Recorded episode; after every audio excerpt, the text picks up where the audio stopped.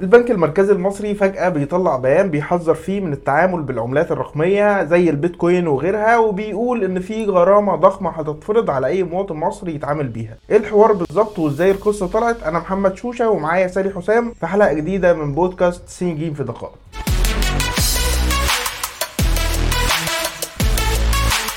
سالي إيه حوار البيان وإيه اللي جه فيه؟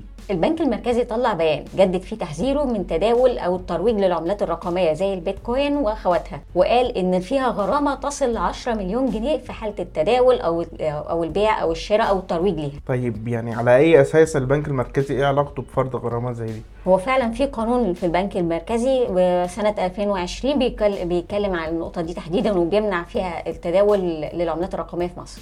بس دي إحنا دلوقتي بنتكلم عن عملات مستخدمة عالميا وتقريبا بره سلطات البنوك المركزية أصلا. فليه البنك المركزي المصري يطلع التحذير ده وليه دلوقتي تحديدا؟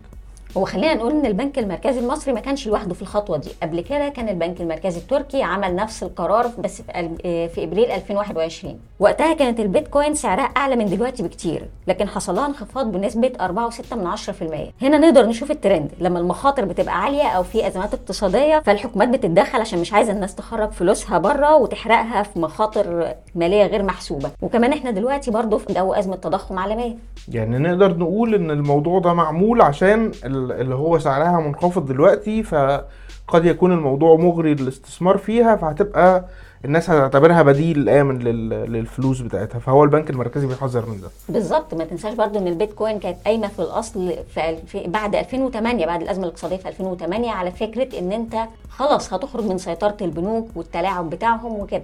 طيب بمناسبة الأسعار اللي إحنا بنقول إن هي نازلة دلوقتي، البيتكوين كان وصل لفترة إن هو بيرتفع بسرعة الصاروخ وفجأة نزل لتحت الأرض، إيه بالظبط اللي بيحصل؟ الموضوع ده بيشتغل إزاي؟ خلينا نقول إن عندنا كذا سبب لكده. كلها حصلت بره مصر. أولها كانت البداية مع فترة إغلاق كورونا. وقتها كانت الحكومة الأمريكية وغيرها بيدوا للناس مبالغ مالية إعانة يعني للناس اللي قعدت في بيوتها وما بتنزلش شغلها. فالناس اللي قاعدة في البيت وما بتصرفش فلوسها في أي نشاط اقتصادي زي المعتاد لقت فرصة إنها تستثمر بقى بالحبة الفاضلين في البيتكوين. ده كان السبب الأساسي في رفع سعر البيتكوين بسرعة في فترة الإغلاق بتاعت كورونا. لحد ما وصل لاعلى معدل ليها في نوفمبر 2021 لحوالي 69 ألف دولار. بعد كده جت معدلات التضخم اللي زادت وتوابع فيروس كورونا وطبعا الحرب في أوكرانيا. كل ده خلى الاحتياطي الفيدرالي الأمريكي يرفع أسعار الفايدة. بالتالي لو أنت عندك دولارات زيادة في أمريكا وعارف إن التضخم كده كده هياكلها فبتروح تحطها في البنوك عشان تستفيد من أسعار الفايدة العالية. هنا مفيش فلوس أصلا عشان تصرفها على العملات الرقمية فأسعارها ابتدت تنزل.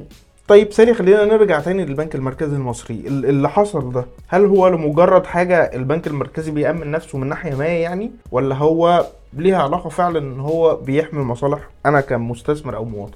خلينا نقول الخبراء بره كلهم أصلا بيقولوا دلوقتي إن البيتكوين فقاعة وفرقعت. فدلوقتي مفيش امكانية إن أنت تحقق أرباح بسرعة زي ما كانت في الأول خصوصا مع الأزمة الاقتصادية اللي إحنا بنتكلم فيها. فبالتالي من مصلحة البنك المركزي إن أنت كمواطن ما تاخدش فلوسك اللي أنت محوشها وتروح تحرقها في مشروع أو في فقاعة كده كده عالمية بتتضرب. الأولى إن أنت تاخد الفلوس دي وتخليها تمشي في الاقتصاد المصري وتدور فيه بشكل رسمي. يعني أنا كده كمان ممكن أكون معرض لخطر إن أنا أحط فلوسي في حاجة وبعدين تختفي من السوق خالص. تماما. تمام. آه كده تكون خلصت حلقتنا النهارده. كان معاكم محمد شوشة وسالي حسام في بودكاست سين جيم في دقائق